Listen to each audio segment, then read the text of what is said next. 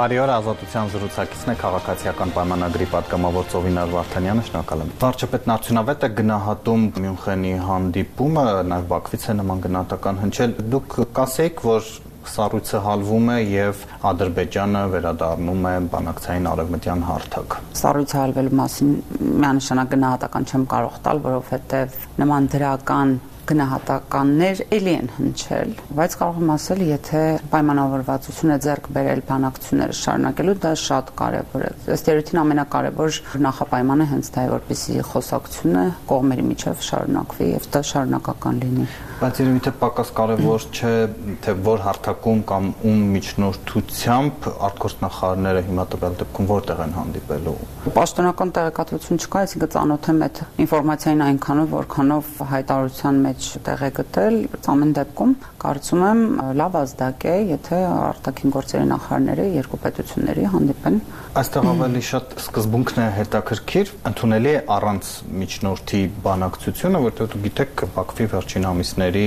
գլխավոր թեզերից է դա։ Գիտեք, այստեղ ավելի շատ կարևոր է արդյունքը։ Եթե բանակցությունները, ուղիղ բանակցությունները, ուղիղ խոսակցությունները արդյունավետ են լինելու եւ իսկապես եւ Հայաստանը եւ Ադրբեջանը կարողանալ են գտնել են կետը, որտեղ կան պայմանավորվածության եւ կարողանան այդ պայմանավորվածության շրջանակում կազմակերպել ապագան, բնականաբար է, կարծում եմ արդյունքը ավելի էական է, քան միջնորդի արկայությունը կամ չարկայությունը։ Բայց եթե որևէ պայմանավորվածություն է ձեռք բերվում, դա հանձնվում է թղթին եւ հետո խախտվում է, միջնորդը դրա համար է, որ խախտողի ձեռքը բռնի։ Ճիշտ եք, բայց միշտ չի որ այսինքն կարող ենք եւ գալ են օրինակներից որ այո եղել են եւ միջնորդով պայմանավորվածություններ որոնք չեն բաղվել եւ առանց միջնորդ պայմանավորվածություններ այսինքն այստեղ ավելի շատ կարեւոր է էական է որպեսզի այդ պայմանավորվածությունները այնպեսին լինեն որ երկու կողմերը պահեն եւ ըստ երևույթին երկու պետությունների միջև կնքված պայմանագրերը պետք է որ արդեն իսկ լինեն հանձնառություններ այդ պետությունների համար եւ հանձնառություններ այդ թվում միջազգային հանրության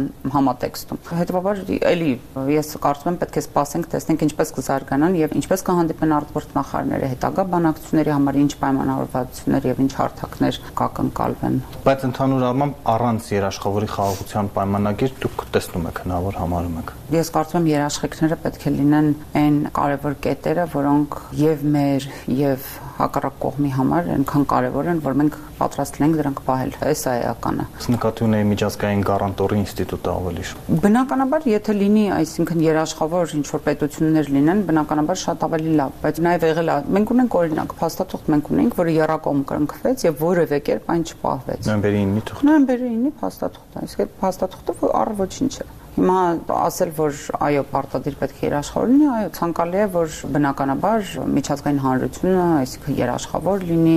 եւ հետեւի ընթացքին եւ ինչպես են կատարում, բայց այստեղ ելի եմ ասում, կարևոր որպեսզի ամեն կողմ պահի իր պայմանավորվածությունը։ Իդեպ ռուսները հիմա էլ են կանչում բանակցությունների ինչու ոչ Ես նոյեմբերի 9-ի փաստաթուղթ նոր օրինակ վերեցի։ Դա վառ օրինակ է։ Դուք ծանոթ եք Մոսկվայից բավական թափանցիկ հնչող զգուշացումներին, վերջինը Գալուզիններ, որ եթե շարունակվի այս քաղաքականությունը, Հայաստանը հատկապես արևմուտքի հետ հարաբերությունները խորացնի, կարող են հետևանքներ լինել ընդհանուր ինքնիշխանության կորուստ։ Դե սպառնալիքի լեզուն էլի այ հայտ եկել կոնկրետ որոշ պաշտոնյաների կողմից Հայաստանի Հանրապետության ինքնիշխանությունը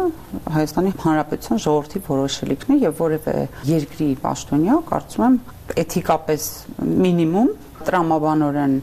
առնվազն պետք է ոչ խառնվի, ոչ էլ ինչ որ վերլուծություններ անի, թե ինչ կարող է լինել։ Դուք այդ գործիքները չգիտեք, մի քանի օր Լարսի ճանապարհն է փակվում, գործիքները ես պատկերացնում իհարկե գործիքները հնարավոր են, բայց ես չեմ կարծում, որ բանը հասնելու դրան, այսինքն իմաստը չեմ հասկանում։ Արևմուտքը բերել այստեղ այն դեպքում, երբ իրենք են ուզում այդ միջնորդությունը ստանձնել, իրենք հսկեն ճանապարհը, իրենք երաշխավորեն հնարավոր խաղաղությունը։ Եթե վերահսկողության մասն ենք խոսում, ապա այսօր պետք է Լեռնային Ղարաբաղում լիներ ըստ երաշխավորություն բնակչությունների, հա, այնտեղ պետքա խաղապահների հովանու ներքո ապրեր բնակչությունը Լեռնային Ղարաբաղի, ինչը չկա։ Ինչ վերաբերում է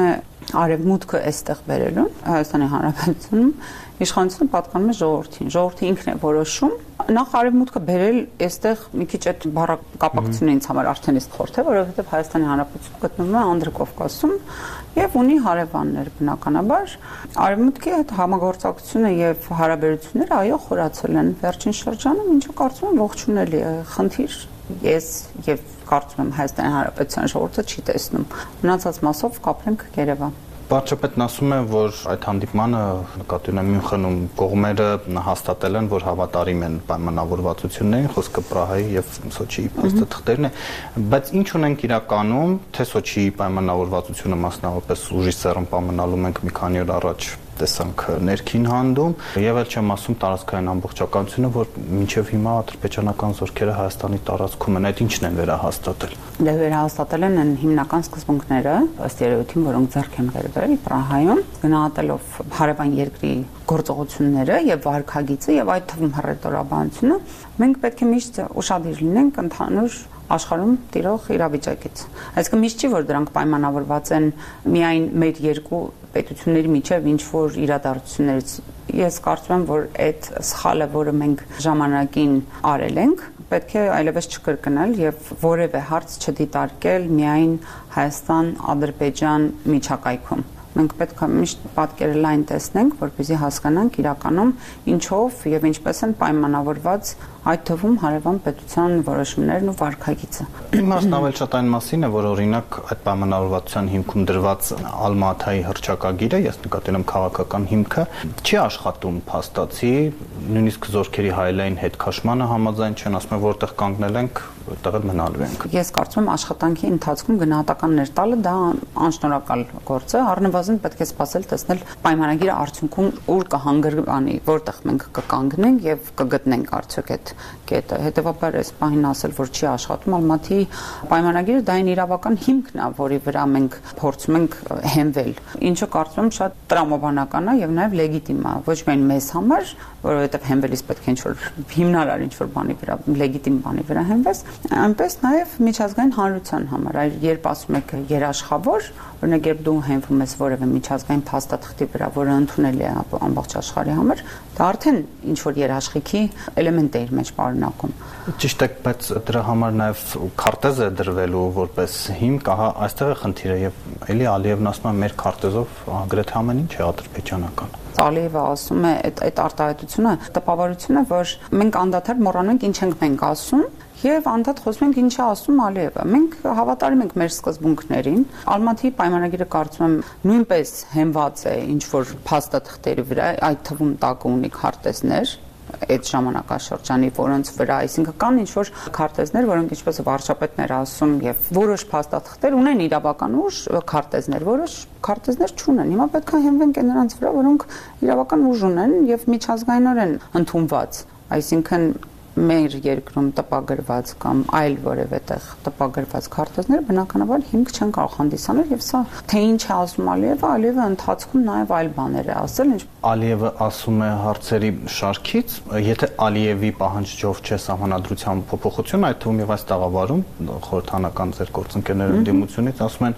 բա այսքան ժամանակ այդ անկախության հրճակագիրը ում էր խանգարել։ Չեմ ասա ինչ որ մեկին խանգարում էր եւ որևէ մեկը չի ասում, որ որևէ մեկին դա խանգարել է եւ որևէ գնահատական չի տրվում։ Այստեղ բացվում է խոսակցություն այն մասին, թե ներքին եւ արտաքին ինչ կարգավորումներով ենք մենք ուզում Հայաստանի Հանրապետությունը ապրի։ Սա շատ բնական գործընթացի մի փուլ է, այո, եւ այն դժվար փուլ է, որովհետեւ դու թույլ ես տալիս բարձրաձայնել հարցեր, որոնք որ կարելի ասել տաբու են կամ միանգամից արդեն գնահատականատրվում, որովհետեւ հարց տալու իրավունքն է զսպվում։ Եթե անձի վրա օրինակը բերեմ, ոչ պետության, անձի զարգացման ընթացքում մարդը երբ զարգանում է, ինքը իր կյանքի տարբեր փուլերում սկսում է հարցադրումներ ունենալ, սկսած մանուկ հասակից։ Եվ այդ հարցերի հետևից գնում է այդ մարդը, որպեսզի գտնի պատասխաններ։ Եթե դու մարդուն իր հարց տալու իրավունքը արգելակես եւ զսպես, կարելի ասել դու նրան կզսպես իր մտածելու գործառույթը ուզում ես արգելակել, թույլ չտալ։ Գիտեք ինչու է այդպես, որովհետև այդ հարցադրումները մարդիկ ընկալում են, որ խոցում են իրենց ազգային արժանապատվությունը, այնտեղ խոսվում է իղձերի, պատմական արդարության մասին, ահա արդյոք չի ստացվում այդ խոսակցությունը բացելով, որ մենք դրանք մի կողմ ենք դնում, հատկապես եթե վերջն արդյունքը պիտի լինի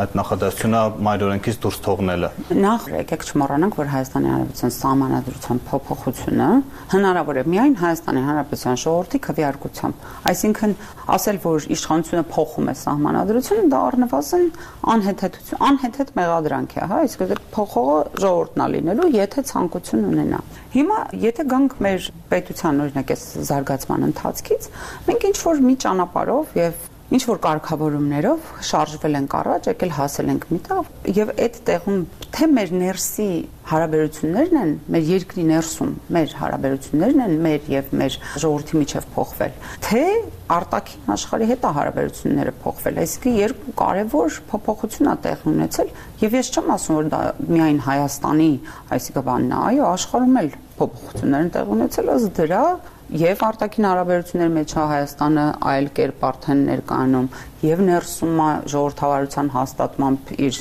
փոփոխություն կրել։ Հիմա հարցը հետեւյալն է, հարցը դրված սեղանին։ Արդյոք մենք ինչպիսին ենք տեսնում վաղվա մեր ապագան ինչ արտաքին, ինչ ներքին ուղիներ ենք մեր համար նախանշում եւ որոնցով գնալու ենք առաջ։ Եվ չենք արձանագրում, որ ոչ Ղարաբաղի հակամարտությունն է արդարացի լուծվել, ոչ էլ հայոց ցեղասպանությունն է ճանաչվել Թուրքիայի կողմից։ Ահա սրա մասին է խոսքը։ Ինչու այդ արձանագրումները հանենք։ Ինչ նկատի ունեք արձանագրումը հանում ենք։ Այն որ Ղարաբաղի եւ Հայաստանի վերամիավորման մասին դրույթը կարող է դուրս մնալ։ Կարող է դուրս մնալ, եթե ժողովուրդը որոշի, որ իր նախանշված ճանապարհը այլ առաջնահերթությունները ասել, որ դա համանadrությամբ ամրագրված է կամ ամրագրված չէ, չի նշանակում որևէ բանից հետ կանգնել։ Սա գիտեք շատ նման է հայրեր ворթիներ կռվի այսինքն այդ սերունդների միջև տեղի ունեցող մշտական այդ պայքարին է շատ նման։ Դա չի նշանակում որ դա կորցնում է իր, այսինքն դու չես կարող ջնջել ինքդ քեզ, դու չես կարող ջնջել քո անցյալը, դու այդտեղից սերվում ես։ Հիմա հարցը հետեւյալն է նոր ինչ որ վիճակ է ձեռք բերել Հայաստանը եւ ներսում եւ իր արտաքին հարաբերություններում հարց է բարձրացվում Ուզում ենք նախանշել արդյոք նոր ինչ որ կանոններ։ Ուզում ենք թե ոչ։ Մեզ հարցը իրավունք ունի գոյություն ունենալու։ Ի սկզբանե տորպեդահարել դա ասելով, որ այդ դեպքում այ հարցը եթե հնչելա դա արդեն իսկ դավաճանություն է, դրանպես որևէ հարց գոյություն ունի բարձրաձայնվելու պատասխանեք այդ հարցին, այո, ոչ, այսպես, այնպես, դա հարցա, չէ։ Տիկին Վարդանյան արդարացի չէր երեք Մյունխենի հայի հարցը վարչապետին, որ դուք մանդատ չեք ստացել արտաքին այս քաղաքականության համար, քաղաքացիական պայմանագրի ծրագրում տրամագծորեն հակառակն է գրված եւ հետեւաբար պիտի լինեն հետևանքներ։ Դուք ինչ բացատրություններ ուզում։ Քաղաքականության ես ներողություն եմ խնդրում, որտեղ Մյունխենի հանդիպումը դա ինչ որ ամբողջությամբ Նա մասնավորապես վկայակոչում էր քաղաքացիական պայմանագրի նախընտրական ծրագրից դրույթներ, որտեղ գրված էր Շուշիի հադրութի դեօկուպացիայի մասին, Լեռնային Ղարաբաղի հարցը